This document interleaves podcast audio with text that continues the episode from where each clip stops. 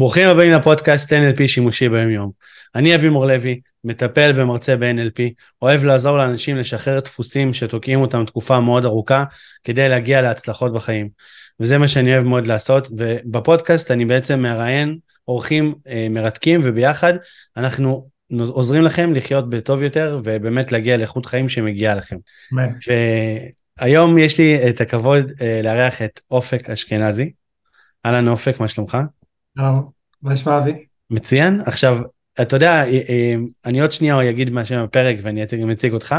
אני רק רוצה להגיד שכשישבתי וחשבתי על הפרק הזה, אה, ואנחנו ממש עוד שנייה נגלה את הנושא שלו, אז כאילו עלה ממני משפט שבא לי להגיד לך אותו, ש, שבכל זוג עיניים קיים איזשהו ניצוץ. אפשר למצוא איזשהו ניצוץ.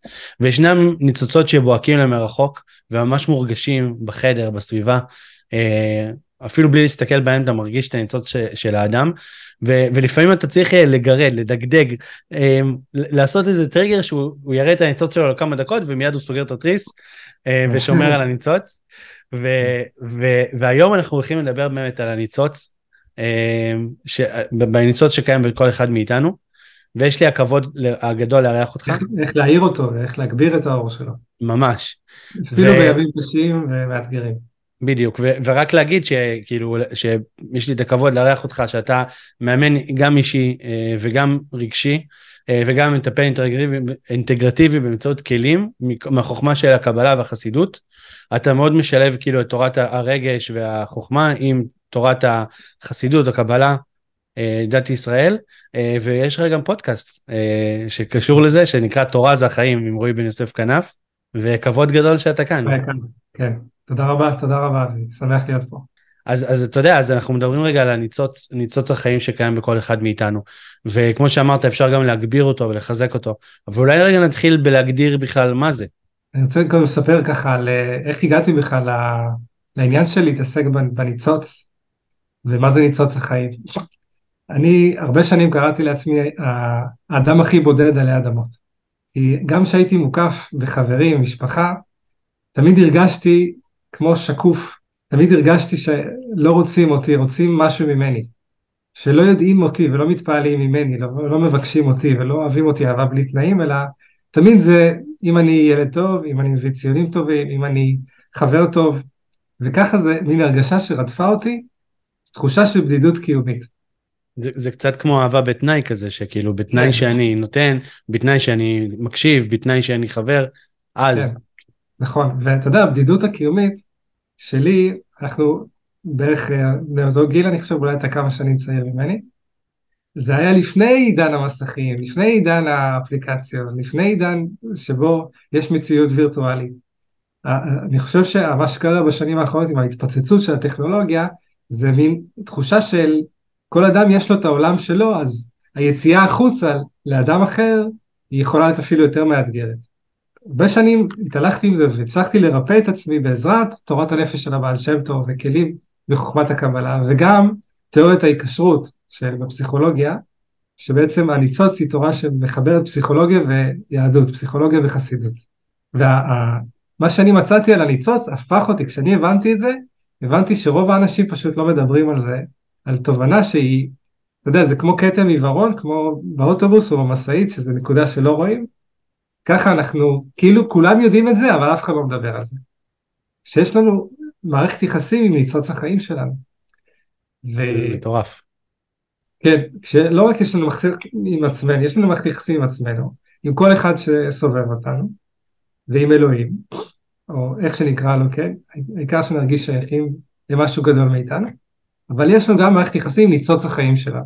וזה דווקא אותה מערכת יחסים, אנחנו בדרך כלל לוקחים אותה כמובן מאליו, ואנחנו כאילו קמים בבוקר עם איזה בנק של חיות, חיוניות, ופשוט לא מתייחסים אליו כמו שצריך, ואני אסביר לך על מה אני מתכוון. רוב האנשים חושבים שיש לניצוץ החיים שני מצבים. מצב כבוי, כאילו, ואנשים מסתובבים בהרגשה הזאת, אני כבוי, בטח ב, אתה יודע, ימי קורונה, ימי מלחמה, כן. תקופות כאלה דרמטיות, באמת, אה, הרגשה היא שהניצוץ כבוי. יש אנשים שמתהלכים בהרגשה שהניצוץ שלהם דלוק, אז הכל בסדר, אני חיוני, אני פועל, אני אוהב את מה שאני עושה, העולם אוהב אותי. אבל האמת היא שרוב האנשים רוב הזמן, בטח בעולם המערבי, יש להם סיטואציה אחרת. הניצוץ שלהם לפעמים קבוע, לפעמים דלוק, אבל רוב הזמן במצב מפוזר, ניצוץ חיים מפוזר. ו... שזה חידוש בעצם, זה, זה חידוש מאוד גדול. כי בן אדם כאילו תמיד כאילו יכול מסתכל ביחס אל עצמו ואומר אוקיי, או שאני בטוב, או שאני כזה בסוג של לא down, בבאסה, כן. כן. באוטומט כן. כזה, כאילו, ופתאום אתה בא ואומר שנייה, יש פה ניצוץ חיים שנקרא מפוזר, שהרבה כנראה אנשים נמצאים בו והם לא, לא חושבים על זה בצורה הזאת.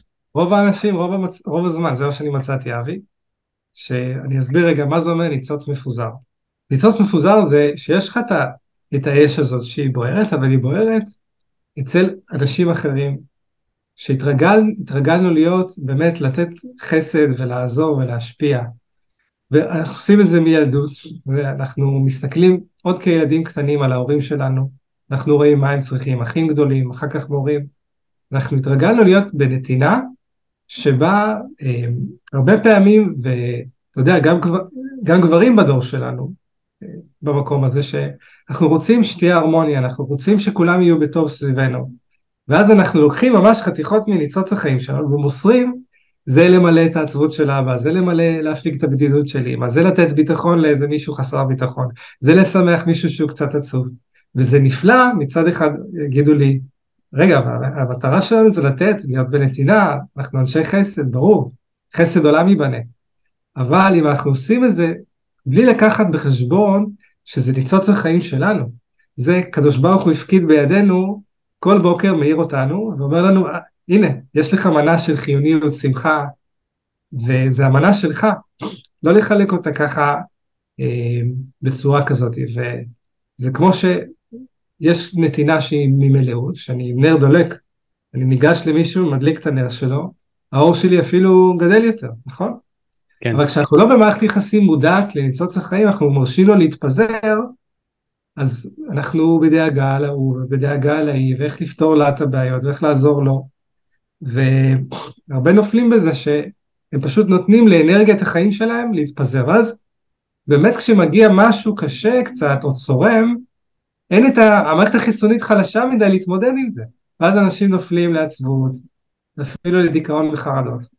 אבל אם צריך ללחוש להם באוזן, להגיד להם, ניצוץ החיים שלך קיים, זמין לך, רק תבחר לכנס אותו, תבחר לקרוא לכל מערכות היחסים שאי פעם פיזרת אותו ולהגיד, בוא, אני חוזר הביתה, תביא לי בבקשה את הניצוץ חיים שלי בחזרה. וזה מהלך ש, אה, של תיקון, שאני קורא לו התשובה הפנימית, כאילו לחזור בתשובה אבל מההיבט הפנימי. לחזור... אתה, אתה יודע שהיה איזשהו משפט שמישהי פעם אחת אמרה לי בקליניקה כשעבדתי איתה אחד על אחד וזה משפט שפשוט מהדהד בי ואני אתה יודע עד, עד היום אני חושב על המשפט הזה הוא היה נורא מהותי והוא בדיוק מתקשר למה שאמרת. היא, אמר, היא אומרת אני עמוד התווך של כולם כולם נשענים עליי והם לא יודעים עד כמה אני מתפוררת מבפנים. עד כמה העמוד הזה שהם נשענים עליו כולו מתפורר מבפנים.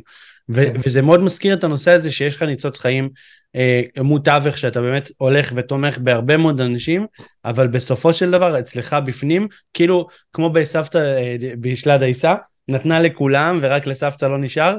נכון. אז, אז זה ממש כאילו הת, התיאור הזה שאתה מתאר, שאתה נותן ונותן ונותן ונותן ונותן, כמעט לכולם. תמיד אני אומר, מה, אני נותן לכולם. אני, אני אומר לו, אתה לא נותן לכולם, אתה נותן כמעט לכולם, כי גם אתה בן אדם. וזה, וזה אתה פוסח, יש פה, יש פה לפסוח עליך. נכון, ויש לנו בחיים את הממד החיצוני, הממד הפנימי, ואנחנו יכולים לראות אנשים שנראים בחיצוניות מלאי ביטחון, והכל בסדר, והם בשליטה, והם מחזיקים, אבל מי שמעמיק, וכתוב השם בוחן כליות ולב, הוא מסתכל פנימה, האלוהים, היקום, הבריאה, אה, כמו ילדים שהם רואים את הפנימיות של ההורים שלהם, אז ככה אנחנו גם, אפשר להסתכל על הפנימיות של בן אדם ולראות שמבפנים יש פגיעות, יש נזקקות, יש רגע ש...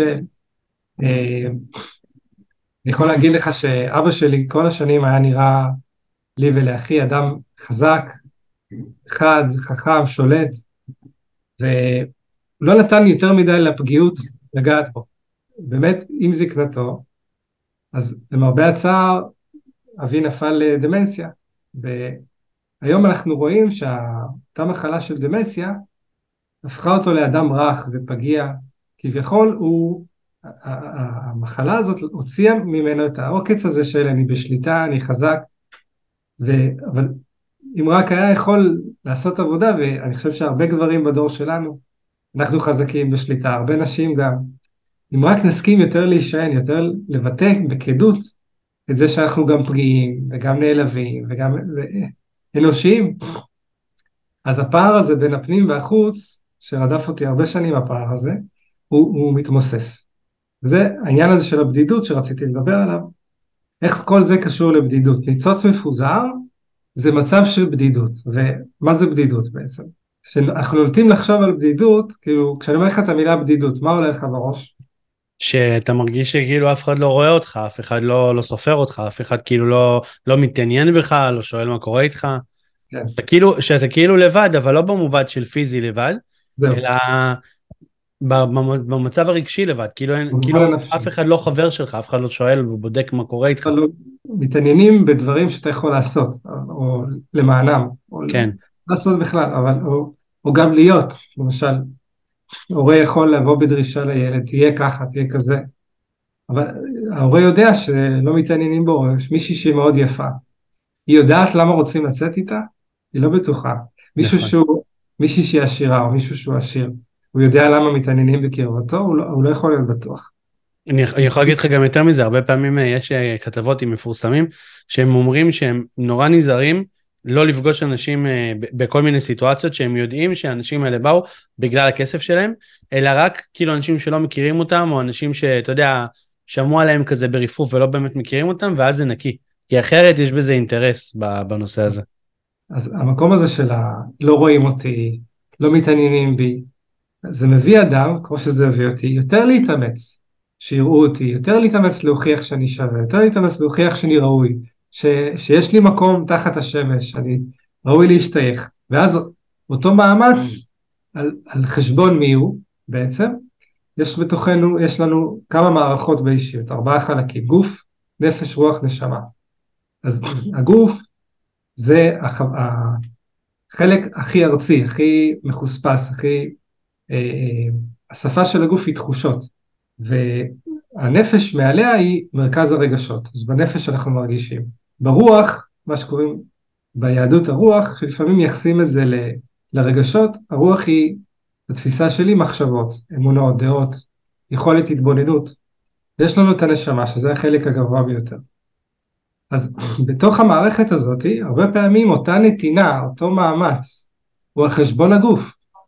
כי הנפש יכולה להתבשם מזה שאם מישהו שמח מנתינה שלי, אז גם אני שמח. עכשיו זה, זה לא אור מתמיד, זה אור שבא לכלי ומסתלק. אבל הנפש יכולה להתבשם מזה.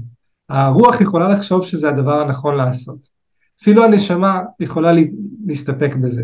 אבל הגוף הוא כביכול אומר, אבל על חשבוני אתם עושים את כל זה. זאת אומרת, אין כבוד רגע ל... וגם, מה אני קורא גוף? יש לנו את הילד הפנימי, שהוא גם נמצא בגוף, כן? כן. אותה חוויה של הילדה שהיינו, הילד שהיינו. אה, אז הם ישות רוחנית שנמצאת בגוף, אפשר להרגיש אותם בגוף. אז כשאני אומר בדידות ומאמץ, הכל הם אותם שמות ניצוץ מפוזר. זה בעצם מצב שבו אני יותר מדי מתאמץ להראות שאני קיים, להראות שאני שווה, להראות שאני טוב וראוי להתקיים. ותוך כדי זה אני מפנה עורף לעצמי, דווקא למקומות, לחלקים הפגיעים. כביכול אני מראה את עצמי באורות נוצצים, שאני חזק, אני מצחיק, אני רגיש, אני יפה, כל ה... אבל את ה, את ה, דווקא את החלקים שהם בצל, שהם הפגיעות שלי, הארוך, החולשה, את זה אני לא מראה. וזה מצב של בדידות, ושם זה מין דליפה של אנרגיה, שמצד אחד אני מתאמץ החוצה, אז הניצוץ שלי מפוזר בחוץ, מצד שני, אה, אה, מעיין נובע של ניצוץ חיים, שהוא דווקא נמצא אצל הילד הפנימי, אין לי גישה אליו, כביכול נעלתי את המפתחות, לא לשמוע את הבכי שלו, את הדרמה שלו, כן. ואני יוצא החוצה לעולם, מופיע הופעה נפלאה ו, אה, בכל האורות והצבעים שלי, אבל בעצם, בעצם בסוף היום אני מסתכל במראה ואני מסתכל בתוכי ואני מרגיש את הריקנות. אתה יודע, אני רוצה להגיד על זה שני דברים שהם מאוד חשובים, ו- ומאוד התחברתי באמת לכל, ה- לכל מה שאמרת. אה, אני יכול גם להגיד לך שבעבר הרגשתי את זה ממש בתוכי. אה, לפני כמה שנים כשרק התחלתי את ההתפתחות האישית שלי, אז uh, ביום הולדת שלי, כאילו ממש התחלתי את הצעדים של ההתפתחות האישית, וכבר העליתי פוסטים מדברים שלמדתי וזה וזה, אבל עדיין הייתי במצב הקודם שלי שבאמת היה לא בטוב, בגלל זה גם הלכתי ללמוד את כל הדברים האלה, ובחמישי לראשון שזה היום הולדת שלי, כתבתי פוסט בפייסבוק, אה, לא רציתי לכתוב אני בודד, אני זה זה זה, כאילו לא, לא, לא, לא סיפרתי עדיין את עצמי החוצה באותה תקופה, אבל כתבתי פוסט בפייסבוק מה ההבדל בין בדידות ללבד.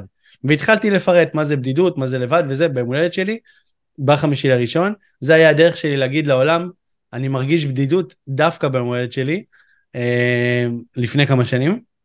אז זה סתם כזה בסוגריים, אבל אני רוצה להגיד שני דברים שקשורים ממש למה שאמרת. אה, דבר ראשון, לפעמים אנחנו עושים דברים שנראים לנו אה, טובים, מוצדקים, נכונים, כמו נגיד נתינה. אה, אתה יודע שזה דבר, כמו שאמרת, נעלה מאוד אה, לתת, אבל, אבל השאלה, שאלה, השאלה כאילו הגדולה אצלי זה בעצם מה, מה המוטיבציה או מה המוטיב שלוקח אותנו לנתינה. עכשיו אם המוטיב שלוקח אותנו לנתינה הוא בא מתוך אהבה, אז אני נותן כמה שאני יכול באהבה, וכשאין לי או כשאני לא רוצה או כשאני לא יכול אז אני לא נותן וזה עדיין בסדר. זאת אומרת רגוע לי בפנים גם כשאני לא נותן, ואז, ואז אני יודע שאני נותן ממקום טוב. עכשיו אם אני נותן מתוך חוסר, מתוך פחד של אם אני לא אתן אז מה יקרה, אז אני נותן, אבל אני נותן מתוך פחד שאם אני לא אתן יקרה משהו יותר גרוע. ואז אני פשוט נותן ונותן ונותן ונותן ונותן, ואז לי לא נשאר, כי אני כל היום כאילו מתדלק את הפחד הזה, שאם אני לא אתן, מה יקרה לי? Uh, וזה גם באמת מוביל אותי לנושא הזה של הבדידות, כמו שאמרת, כי כשאני כל הזמן בנתינה מתוך פחד, אני כל היום מתדלק את הפחד בתוכי. ואז אני צריך יותר שיראו אותי, ויותר שיעזרו לי, ויותר שיתמכו בי. כי, כי, כי אני חי בפחד, אני לא חי בטוב. אז זה, זה כאילו משהו אחד. אם אני נותן מתוך פחד, מה שאני נותן זה גם את, את השדר של הפחד הזה אני מעביר הלאה לאנשים אחרים, וככה אני בעצם הפחד הוא מין איזשהו נגיף מדבק בחברה שלנו, שיש פתאום חרדות והתקפי חרדה, ואנשים פשוט נדבקים בזה גם, כי מרוב שיש לנו את הלחץ הזה של מה יקרה אם, אנחנו שולטים שליטה מוחלטת על המציאות ולא נותנים, חונקים כל אפשרות של אה, איזשהו אור שיבוא ו... יאיר את, את החיים של כולנו. לגמרי. עכשיו גם, גם אם תשים לב, כמו שאמרת רגע מקודם, שבעצם בבדידות בעצם לא רואים אותי, אה, לא מבינים אותי, לא מקשיבים לי, לא נותנים לי מקום. עכשיו, באותו זמן דיברת על נתינה, עכשיו בעצם כשאתה נותן לאנשים ואתה מתרכז, כאילו אני לא מדבר איתך על נתינה בריאה, נתינה בריאה אתה נותן להם במידה שאתה יכול, ואז אתה שם לב כאילו כמה אתה יכול כדי לדעת כמה, ש...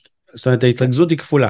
כשאתה נותן לשם הנתינה, כדי שיחשבו עליך בטוב, כדי שיגידו שאתה בן אדם טוב, כדי שבעצם כאילו, כדי שתקבל בחזרה סוג של לגיטימציה, אז אתה רק מתרכז בצרכים שלהם, במה הם צריכים עכשיו, למה הם זקוקים עכשיו, לכמה הם צריכים עכשיו, ואתה לא מתרכז, אתה לא מסתכל אצלך במלאי, כמה יש לך במלאי, אתה מסתכל רק אצלם. מה הם צריכים, אני נותן, מה הם צריכים, אני נותן, מה הם צריכים, אני נותן. ככה הרי אתה מתרוקן, כי אתה לא מסתכל על המלאי שלך. עכשיו, נכון. כשאתה לא רואה אותך, אתה רואה רק אותם, ורק את הצורך שלהם, אתה בכלל לא רואה את הצורך שלך, אז אחר כך כאילו אתה מצפה מהם שהם יראו אותך. וזה לא כן. עובד, כי אם אתה לא רואה אותך, ואם אתה לא, לא מתחשב במלאי שלך, איך הם יראו אותך?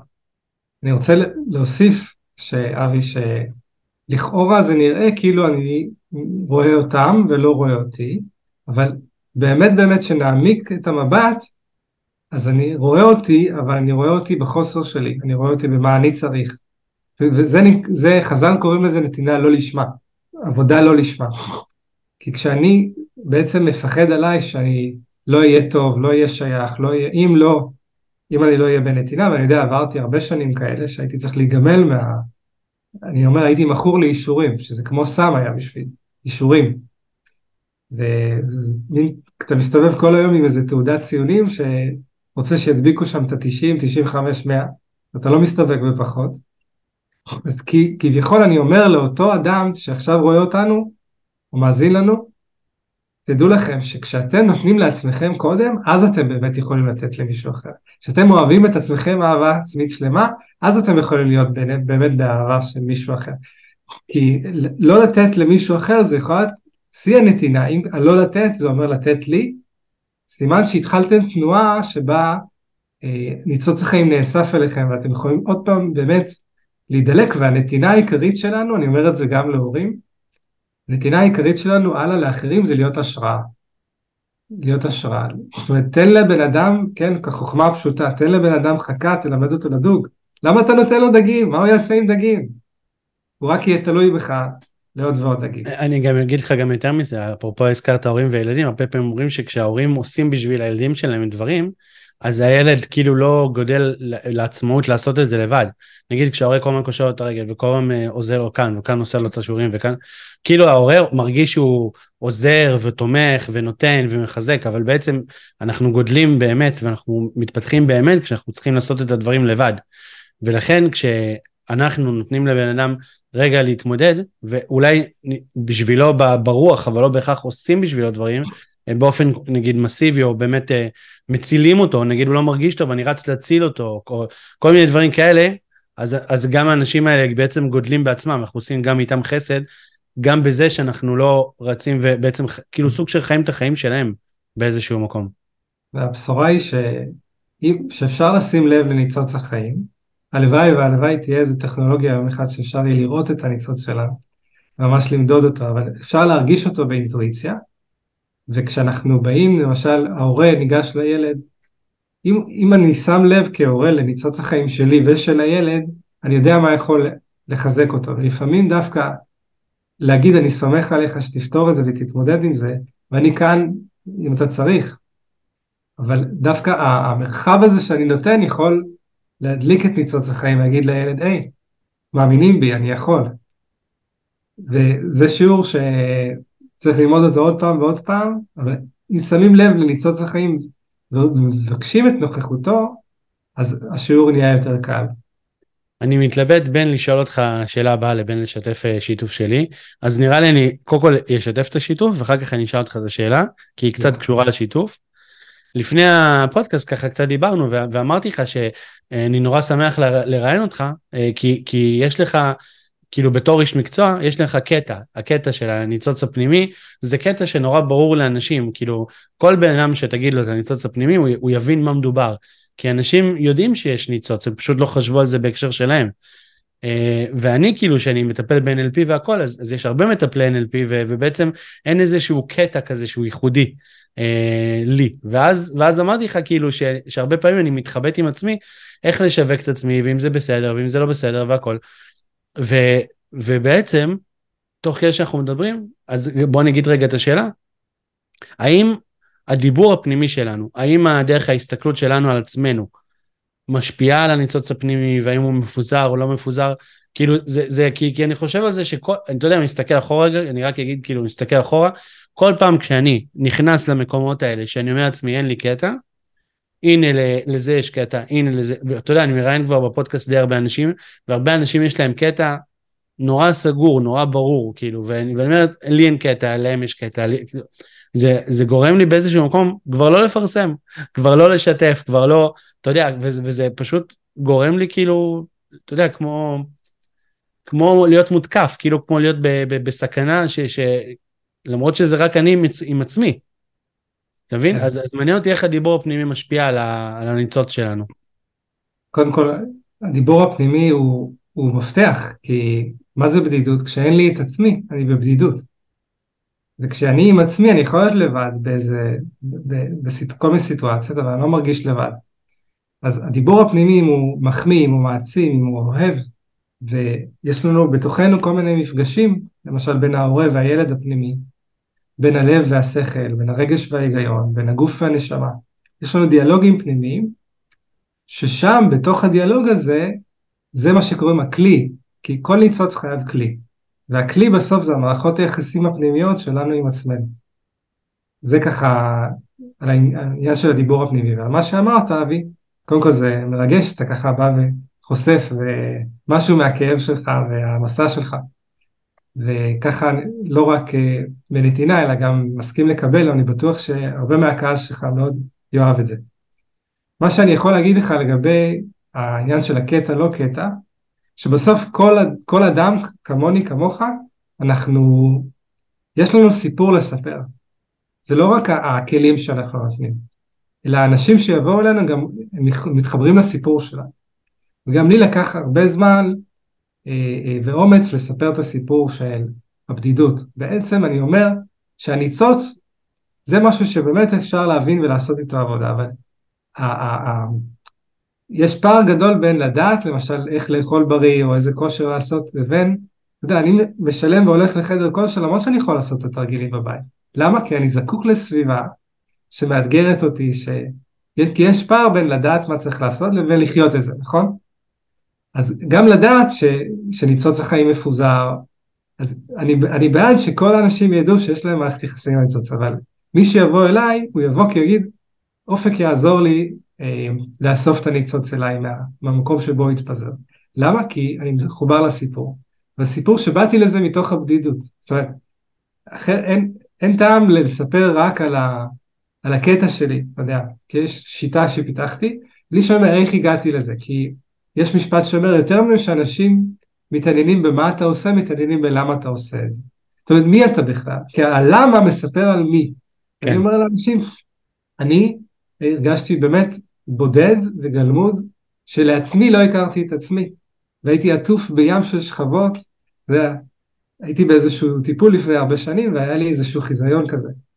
והחיזיון שהיה לי זה שאני מתעורר לפתע פתאום באיזה מחסן חשוך, ואני מכוסה, מרגיש מכוסה בכל מיני שכבות. ואני רואה איזה פתח של אור, ואני מסתער, מסתער על הדלת, פותח אותה, ואני על החוף, קרוב, ואני רץ באטרף, אחוז אמוק אל עבר הים, וכל העת אני משיל מעליי שמיכות ומעילים וסקביאס כאלה, אתה יודע, אני מעיף מעליי, מעיף מעליי, מעיף מעליי, ומזנק עירום בעירייה לתוך הים. זה, זה ה... התעוררתי מזה ואמרתי, וואו, זה החיים שלי, זה מה שאני עושה. כי הבדידות הייתה שכבה על שכבה של להגן על עצמי, לא להיפגע. מרוב שהגנתי על עצמי, לא, לא, ידעתי, לא יכולתי להתחבר ולהרגיש את האהבה. הייתי עודף מחמאות. ו... אז זה הניצוץ, אני למדתי על בשרי כמה הוא היה מפוזר, ועד היום אני, זה עבודת חיים ללכת לאסוף אותו. אז, אז אני לא רק מספר על הכלי, אני גם חי את הכלי דרך הסיפור שלי, ומהמקום הזה אנשים יכולים להתחבר אליי. זה, אני מקווה שזה עושה לך סדר.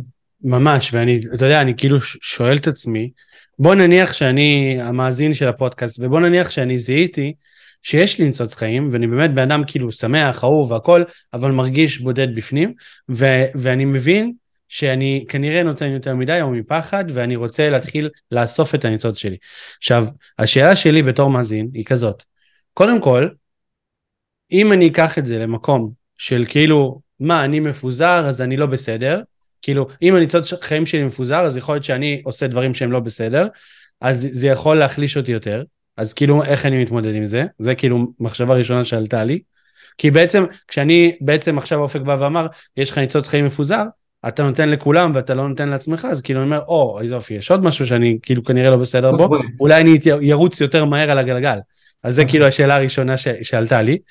והשאלה השנייה, זה אם אני גם ככה נותן מתוך פחד, אה, ועכשיו בעצם כאילו אופק הציע לנו אה, כאילו לעצור שנייה את הנתינה מתוך פחד, אז, אז זה בעצם יגביר את הפחד, אז איך אני מתמודד עם זה? אז כאילו זה, זה בעצם שתי השאלות שעלו לי בעקבות כל מה שאמרת.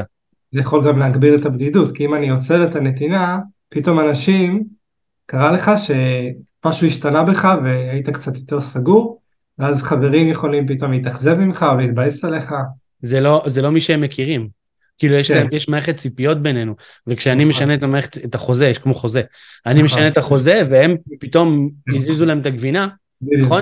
הם מנסים להילחם על מה שהם מקבלים, כי אם הם מקבלים קבוע ועכשיו לא מקבלים, יש פה עניין, הם, צריכים את מה שהם מקבלים. נכון, אז uh, אני אתחיל מלנסות לשבור איזשהו מיתוס, כן? שהוא מדבר על הפחד ועל כל רגש עמוק. שלפעמים יש לנו uh, פחד מהפחד, או, ואז, או יש לנו uh, uh, פחד מלהיכנס לרגשות עמוקים, שאולי אני אפול לאיזשהו דיכאון חס ושלום, או חרדה. אבל אם אנחנו באים מתוך כוונה של אני עובר ריפוי עכשיו, אני מרפא עכשיו את הבדידות שלי, או אני אוסף את הניצוץ חיים שלי, אז היקום נותן כוחות לאדם שהוא עובר מסע של התפתחות וריפוי. השלב הבא, מרגע שאתה מרגיש שזהו, אתה נכנס לנתיב של ריפוי, וזה שינוי מהותי, זה לא איזשהו שינוי חיצוני, אז הסכמה להרגיש, זה השלב הבא, להסכים להרגיש רגשות עמוקים. זאת אומרת, אם אתה נותן מתוך פחד, עדיף שתפגוש את הפחד, מאשר עד היום שמת עליו פלסטרים ואקמולים.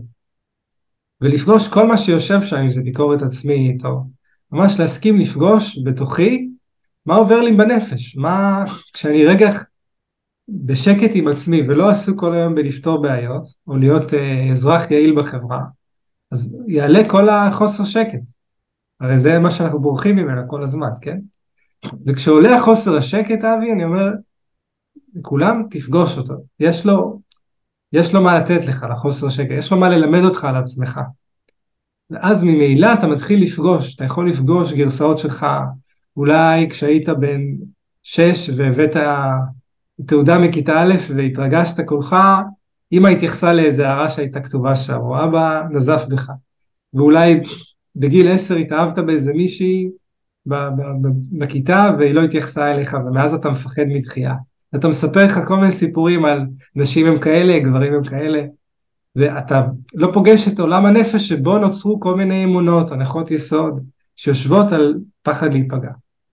אז כשאנחנו מסכימים לפגוש את עצמנו, אתה יודע שבתורה, לפגוע זה לפגוש, כן? זה שפגע בו בשדה, זה פגש אותו בשדה. אז לפעמים דווקא כשאנחנו מסכימים להיפגש עם הפגיעות שלנו, זה פגישה שכולה מביאה ריפוי. וככה בעצם אדם אומר, רגע, אני פוגש את עצמי, סימן שיש לי אותי, סימן שגם כשאני רגע עוצר את העולם, אני בעצמי, בתוך עצמי, לא באמת בודד. זה מדהים, זה בעצם, כאילו, אני, אני רוצה רגע להגיד את זה במילים אחרות, וגם לספר לך איזושהי מטאפורה שעלתה לי תוך כדי שדיברת. בעצם, אני, כאילו, בעצם אני, אני נותן, ואז אני, אתה יודע, אני שנייה עוצר, ואז ברגע שאני עוצר, אז יש ואקום כזה שעומד להיכנס בתוכו פחד של למה אתה לא נותן, ואז אני נלחץ מהפחד הזה, אז אני מיד נותן שוב, כי אני לא רוצה לפגוש את הפחד. ברגע שאני נותן לפחד הזה להיות, וכאילו מסכים להחזיק אותו, אז אני כבר לא פועל באופן אוטומטי עם הנתינה הזאת. כי כאילו אני יודע, אוקיי, יבוא פחד, אבל אני אהיה עם הפחד, והכל, כאילו אני גם בסדר שאני מרגיש פחד לפעמים. ואז אני מצליח לעבור דרך זה. עכשיו, הדימוי שעלה לי, או המטאפורה שעלתה לי, זה כמו איזושהי מערה או מנהרה, שאני צריך לעבור דרכה, שהמנהרה הזאת יכולה להביא נגיד בתוך הפחד של מה יקרה אם אני לא אתן, מה יקרה אם אני אשים גבול, ואני אגיד לא מתאים לי עכשיו, אז זה כמו מנהרה שאני עובר בתוכה. עכשיו, הרבה אנשים עומדים בפתח של המנהרה, ולא מסכים לעבור דרך הפחד, דרך ה... מה יקרה אם אני אגיד לא, מה יקרה אם אני אשים גבול, מה יקרה אם יחשבו עליי שאני לא חבר טוב או משהו כזה, אז זה מנהרה ואני, ואני כאילו לא רוצה לעבור בתוכה, אבל ההמתנה בפתח המנהרה, בעצם ראיתי פעם אה, הרצאה של אנבלה שקד שהיא אמרה את זה יפה, היא אומרת, אתה נורא מפחד להיות אמיץ, אבל תחשוב שיש גם את הפחד מההחמצה. אם אתה לא עושה את השינויים, אתה לא נכנס דרך המנהרים, אתה לא מתמודד עם הפחד, יש את הפחד מההחמצה. כאילו ככל שהשנים עוברות אתה מסתכל אחורה ואומר חבל ש... חבל ש... חבל ש... ו... וכשאתה מסתכל אחורה על כל הדרך שעברת, לא נקודה נקודה, אלא כל הנקודות, ממש הקו, אתה יכול ממש לראות את האפקט של אם אתה מוכן לעבור במנהרה הזאת ובאמת מוכן להתמודד עם הפחדים ולהרשות את עצמך להיות בן אדם עם כל מה שקורה לך, כן. או שאתה כל הזמן כזה מגונן על ה... יש, יש בירח את החלק המואר ואת החלק החשוך. אתה כל פעם מגונן על החלק החשוך, אז אתה לא כן. נכנס במנהרה, ואז אתה, בסופו של דבר, יש פחד החמצה מאוד מאוד גדול. נכון, וזה גם אומרים שרק כשאדם מסכים לקפוץ מהצוג של חייו, הוא מגלה שיש לו כנפיים. וואו, זה, זה משפט מאוד מאוד חזק. ו, ובאמת כאילו מי שמאזין לנו, אה, שידע ש, שלשים גבולות לפעמים זה לא פשוט ולפעמים זה גם אה, נגד ה, מה שנקרא, מה שהורגלנו אליו והדברים ש, שבתוכנו, ובעצם זה יכול להביא איתו רגשות, ואז אתה בעצם בא ואומר, זה בסדר גם להתמודד עם הרגשות האלה, וזה בסדר להיות איתם. אה, ואתה יודע, יש גם אנשים יקרים כמוני וכמוך, שעוזרים לאנשים להתמודד עם הרגשות האלה, ויודעים להכיל אותם, ולתת להם את, ה, את הקרקע, לפחות בתקופה, עד שהם לאט לאט עוברים את זה פעם, כמה פעמים, ובאמת רואים שהשד לא כזה כן. גדול ושאפשר להסתדר עם זה ובסופו של דבר השמיים לא נופלים, אתה יודע. אני אומר שתמיד צריך מלווה לשליש הראשון של ההיריון, איפה שיש בחילות. אה, וואי, ממש. אחר כבר ההיריון ממשיך. אז רגע, אז, אז, אז בוא, בוא, עכשיו, אני רוצה, אני רוצה, דיברנו על, ה, על הניצוץ החיים המפוזר ודיברנו שהוא במצב דלוק ו, וכבוי. מה שמעניין אותי עוד לדעת, אה, כי, כי באמת הכנתי כל כך הרבה שאלות למפגש שלנו, בטח אני לא אספיק את כולם, אבל עדיין, אה, דיברנו על שלושה מצבים. מעניין אותי אם יש דבר כזה עוצמת הניצוץ, ואם כן, אז איך אנחנו מגבירים את הניצוץ? איך אנחנו חיים בתשוקה, בהתלהבות, באמונה שלמה לגבי עצמנו, לגבי הדרך שלנו. אני חושב שהרבה אנשים עובדים באוטומט והולכים לעבודה ובבית והילדים והכביסות וכל ה... אתה יודע, ועכשיו נגיד, גם במיוחד תקופת המלחמה, הם, הם לא מספיק שה, שהעבודה שלהם והמשפחה שלהם והכביסות שלהם והילדים שלהם, גם בפלאפון חדשות כל היום, חטופים, זה כאילו, איפה, איפה, איך אני מדליק, איך אני מגביר, איך אני, כאילו, מה, מה, אתה מבין? איפה כן. הדלק? איפה, איפה, איפה השמן של הששית הזאת? כן, שאלה מדהימה, ואני אגיד לך כללי יסוד, כאילו, דווקא בזמנים מאוד מאוד מאתגרים כאלה, ועוד לפני המלחמה. אנחנו חי, חיים בעולם שיש אלפי גירויים לאדם כל יום, פרסומות וחדשות, והגירויים האלה בעצם אומרים לך, צא מהמרכז שלך. אני אומר, לאדם שיש לו מרכז הוא לא צריך גבולות, כן? להר יש פסגה, הוא לא צריך יותר מדי. אבל מה המרכז שלנו? זאת אומרת, ההקשבה פנימה, היכולת רגע להתכנס לתוך הגוף, נפש, רוח, נשמה שלי ולקיים את אותם מפגשים פנימיים, הסכמה להרגיש, הנאמנות לעצמי, טקסים. זאת אומרת, ברגע שאני ממש מקיים איזה אורח חיים בריא בגוף ובנפש, אני מתמגן כנגד הניסיונות להחליש אותי. אתה יודע, מתחילת המלחמה לא נגעתי במתוק. לא נוגע במתוק. למרות שמדי פעם הייתי לוקח איזה שוקולד או משהו לפני, אבל בתחילת המלחמה אמרתי, אוקיי, קורה פה משהו בעולם, יש פה איזה אירוע מכונן עולמית, היסטורית, לעם היהודי בטח, אני רוצה להישאר ער, ואני יודע שסוכר מחליש אותי, אני יודע שסוכר מטשטש אותי. אז אני ממש נמנע מדברים שעשויים להחליש או לטשטש. מצד שני, אני כן רוצה לענג את עצמי, זאת אומרת, אני כן מחפש עונגים. זאת אומרת, העונג הוא דלק של חיים, הוא דלק כאילו, שמגיע לנו להתענג, ולכן אני אומר לאנשים, צאו לבתי קפה, צאו למסעדות, לכו לים, תטיילו. זה שאנחנו נבכה כל היום, לא, אה, זה לא יגרום לנו לנצח את החמאס, כן? נדליק את ניצוץ החיים, נמשיך לחיות ולאהוב ולצחוק ולבכות, ולקרוא תהילים, אבל לא לעצור את החיים. ואם כבר דיברנו על תהילים, אז אני, אה, אני בהחלט מדגיש את זה שתקופה כזאתי, ניצוץ החיים גם מתכנס דרך תפילה. שתפילה זה לא רק לקחת אה, סידור תפילה ולקרוא, זה דבר יקר שיש לנו את סידור התפילה מחכמי הדורות, אבל תפילה זה פשוט רגע להתכנס ולזכור שיש אה, אלוקות, יש בריאה, יש השגחה, שאנחנו יכולים לפנות אליה, לבקש ממנה, אה, לפרוק רגשות, ולא תמיד החברה פנויה לשיחת נפש, או לא תמיד אה, זה לא הזמן עכשיו לפגישה עם הקואוצ'ר, אבל אם אני עם עצמי רגע תופס את עצמי באיזה פינה, שנייה מדבר עם, מדבר עם אלוהים, אבינו שבשמיים, וזה זמנים שאפשר בהחלט להיזכר שיש לנו את האלוקות ויש לנו אחד את השני, שאנחנו, כל מי שלא, בוא נגיד, הושפע במעגל ראשון מהטראומה וה, והאבל, עלינו אחריות דווקא יותר לשמוח, יותר לצחוק, יותר ל, ל, ל, להביא את ניצוץ החיים שלנו, ואמרתי לך את זה במשפט הראשון שלנו, לפני שהדלקנו את ההקלטה, שכל מי שיש לו אור להאיר, זה הזמן להאיר אותו בשיא. זאת אומרת, לא, להדליק מצלמה, לכתוב את הפוסט, להעמיד את הקורס, להביא את הפודקאסט. אין זמן אחר, זו הרגשה כאילו אנחנו בסוף הזמן, נכון? גם אתה מרגיש את זה? כן, צריך, אתה, אני אגיד לך יותר מזה, אני חושב שיש הרבה מאוד כוחות מבחוץ שמנסים לכבות לנו את הניצוץ, אם זה הסרטוני זוועה ואם זה כל החטופים של, שלא מחזירים אותם והפצצות מצפון, מדרום וגם בשעות שונות ו...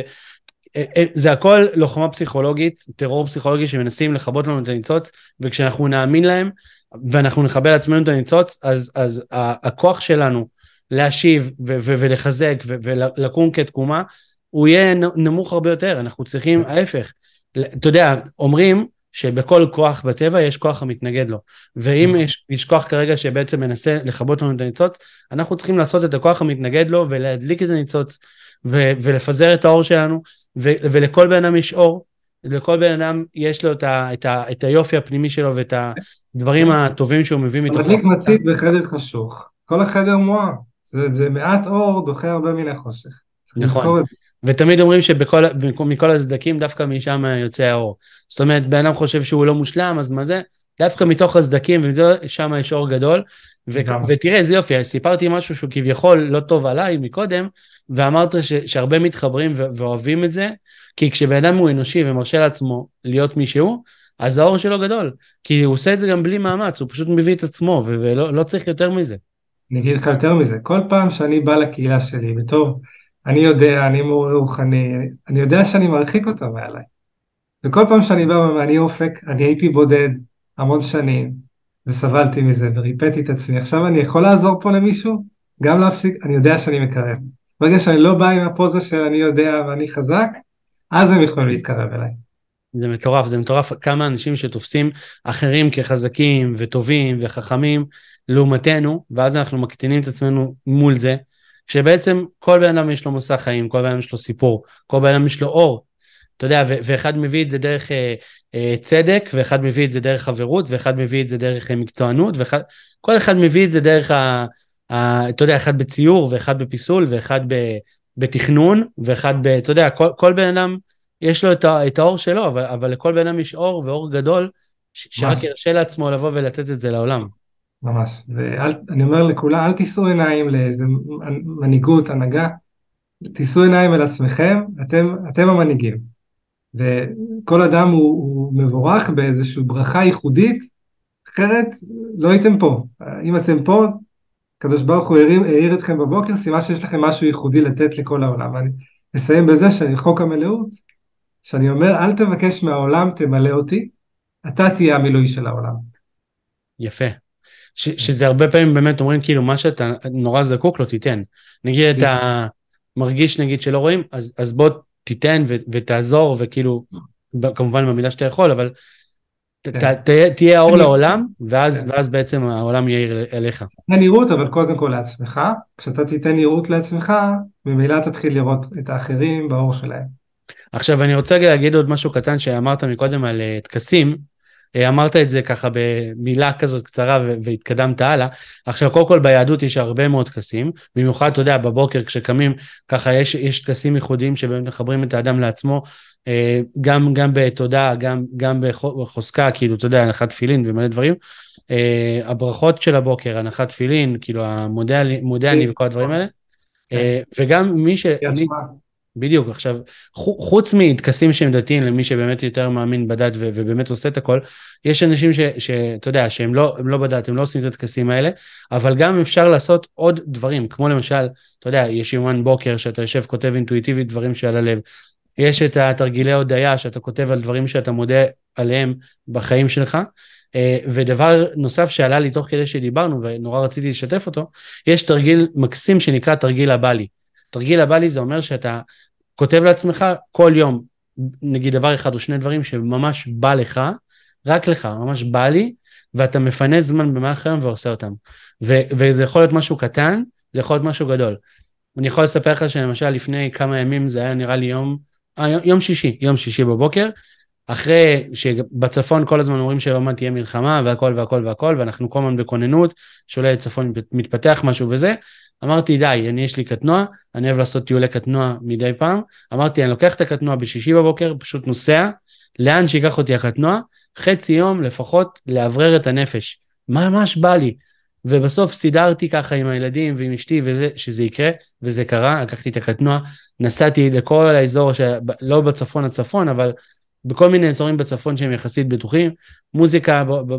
קטנה באוזניים, נוסע, אתה יודע, יושב באיזה יער, יושב באיזה ספסל קק"ל ככה עם עצמי, שומע את הציפורים, טבע, מתחבר, אה, זה מילא לי את הנפש. אז, ה, אז הבלי הזה, מבלי קטנים עד בלי גדולים, תרשו, כאילו, תתחברו לצרכים של עצמכם ותתחברו רגע ל... אפרופו גם ילד פנימי, מה הילד שלי הכי זקוק, מה בא לו. בא לו חיבוק, בא לו מילה טובה, בא לו לעשות משהו, בא ללכת לים, בא לו לדבר עם מישהו, בא לו אפילו את הקובייה של השוקולד, מה, מה בא לילד שלי כרגע? דיברת על כתיבה אינטואיטיבית, אז אפשר גם לכתוב כצינור שניצוץ החיים שלי כותב, או הילד הפנימי כותב, ואז זה יוצא גם כאילו מאיזשהו קול פנימי אחר שלא תמיד אנחנו נותנים לו ביטוי. ובאמת, בתקופה כזאת, ובכלל אורח חיים בריא לניצוץ החיים, חייב טקסים, טקס בוקר, טקס ערב, משהו שמגבש אותך ואוסף את, ה, את אנרגיית החיים שלך לאיזשהו center, אחרת אתה קם בבוקר וזה כריכים לילדים, וזה מסגרות, וזה עבודה, וזה בלה ושכחת מעצמך ואתה כאילו קמת לתוך איזשהו שטף חיים שהוא מחוץ עליך, מחוץ למרכז שלך. לכן טקס בוקר זה must, תעצבו אותו איך שאתם רוצים, אתה יודע, ליהדות יש את הדרך שלה, אבל אפשר לקחת כל מיני אלמנטים ולהוסיף. העיקר שיהיה את הטקס הזה שהוא בשבילכם עוגן ומשענת, לאסוף את הניצוץ ולהידלק. מקסים. אז, אז דיברנו בעצם על, על מה הסוגים של ניצוצות ואיך לחזק את הניצוץ ואיך להתחבר יותר לניצוץ שלנו. אה, וככה אולי באמת נושא אחרון בכמה מילים, אה, ובאמת כי כבר הזמן שלנו לצערי עומד להסתיים, אבל מה שמעניין אותי לדעת זה בעצם איך בעצם, תראה, אני אשאל אותך את זה מזווית אחרת. דיברנו קודם שיש פחד מסוים, שאם אני אדאג לעצמי יותר, מערכות יחסים בחיים יקרה להם משהו. עכשיו, מה השאלה שלי שרציתי לשאול, איך לדעתך, אם אני מחזק את ניצוץ החיים ומביא אותו חזרה הביתה ומחזק את הניצוץ אצלי, איך זה בסופו של דבר משפיע על מערכות יחסים שיש לי עם העולם? שאלה נהדרת. כתוב ואהבת לרעך כמוך, רבי עקיבא אומר כלל גדול בתורה. ורבי נחמן דורש את זה של לאהוב את הרע שבך כמו שאתה אוהב את הטוב שבך. הרע שקורה לך והרע שבך. כשאני פוגש את עצמי ומסכים רגע לפגוש דברים שאני הסתרתי מעצמי, שהיו קשים לי, אני כאילו קורא לזה רע, אבל זה בעצם דווקא הופך אותי לערני כשאני פוגש את זה, והרע הופך לטוב. לפעמים למשל, הרבה שנים אה, הייתי ביישן, ורגיש, וראיתי בזה כדברים רעים, לא טובים. ואחר, היום אני יכול להגיד לך שהביישנות שלי והרגישות שלי הן מתנות מאוד מאוד גדולות. אז כשפגשתי את, את עצמי, יכולתי להתחבר ולאהוב את עצמי, ופתאום יכולתי גם להיות פחות שיפוטי וביקורתי על אדם אחר. כי נחשו מה, אם אנחנו שיפוטיים וביקורתיים, אז הרוב זה על עצמנו, השורש של זה מעצמנו. וכשאנחנו, אי אפשר להוריד ביקורת על אדם אחר, זאת אומרת אפשר, אבל זה במאמץ רב, אבל כשאני מוריד ביקורת על עצמי, וביקורת זה בי יש קור, זה פנימיות בי יש קור, אני מחמם עוד פעם את אותם מקומות שהאנרגיה נתקעה, כי לא ראו, לא כיבדו, ואני החלטתי לשפוט את זה ו... או לעזוב את זה. ואז כשאני פוגש רגע את ה... מתמלא באור של עצמי, ממילא אני, אני מסתכל במבט רענן ורואה לא רק נקודה טובה, שרבי נחמן ציווה אותה לראות נקודה טובה אצל אדם אחר, אני רואה מלא נקודות טובות, אני פתאום יכול לבוא ולראות איפה השיפוט שלי כלפי עצמי יצר שיפוט כלפי אדם אחר. איפה חסמים שאני חסמתי את עצמי לא להיפגע, גרמו לי לא לפגוש אדם אחר, כי לפגוע זה לפגוש. ואז באמת אנשים מוצאים, ואני מצאתי, ואנשים, באמת אלפי אנשים שלימדתי ומאות שליוויתי ברמה האישית, מצאו שכשהם פרצו את החסימות פנימה, נפרצו מאלה חסימות החוצה, והם הפכו להיות אה, יותר קרובים לאנשים אחרים, כשבכל אותו זמן הם, הם לא חשבו על אחרים, הם חשבו על עצמם, לאהוב את עצמם, להתמלא בשמחה, לאסוף את הניצוץ ולהידלק, אבל הם היו גם השראה, ובתוכם הפכו להיות פשוט אור שיותר מושך ויותר יכול להתקרב לאדם אחר. זה מדהים, ואתה יודע, אני ככה אסכם את מה שאמרת במשפט.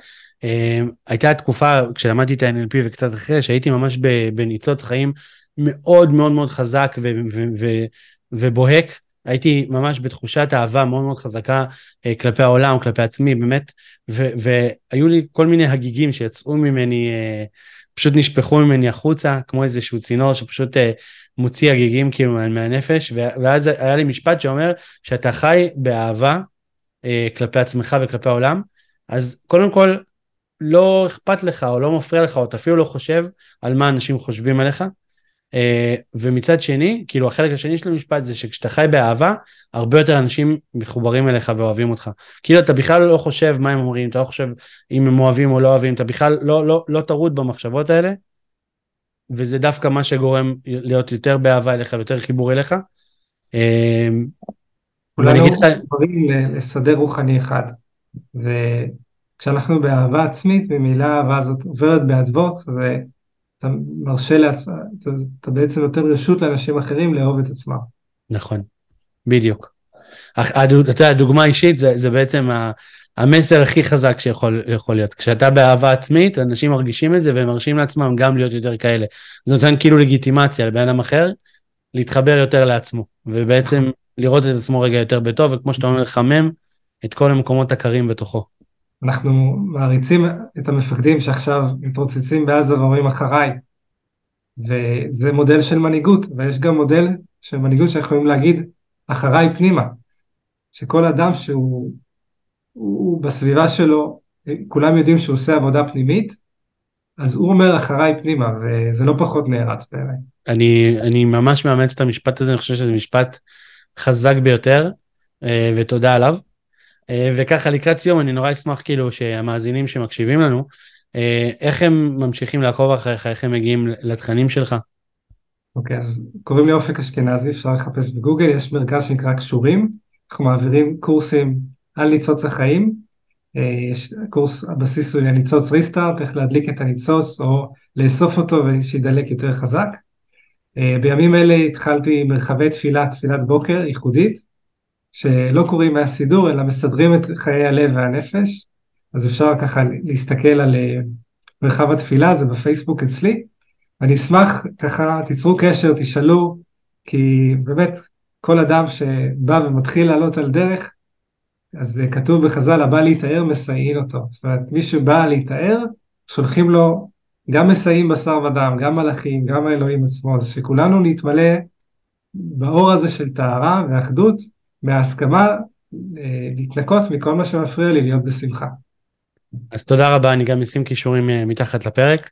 אה, זה מתפרסם בספוטיפיי, ביוטיוב. אם שמעתם בספוטיפיי, בבקשה תדרגו אותי, זה מאוד מאוד עוזר לי להביא תכנים נוספים. אם אתם ביוטיוב, תעשו לי subscribe, יירשם כמנוי, זה נותן לי גם להביא פרקים חדשים וגם לכם לקבל את הפרק מיד כשהוא יוצא. וגם מופיעים בצד, גם בספוטיפיי, גם ביוטיוב, הקישורים שלך, וגם קישורים ככה להמשיך ולעקוב אחריי. אז אני באמת רוצה להודות לך המון שהגעת, וחלקת מהשפע שלך. היה לי ממש כיף, אבי, מקסים, ממש, היה לי כיף. תודה רבה.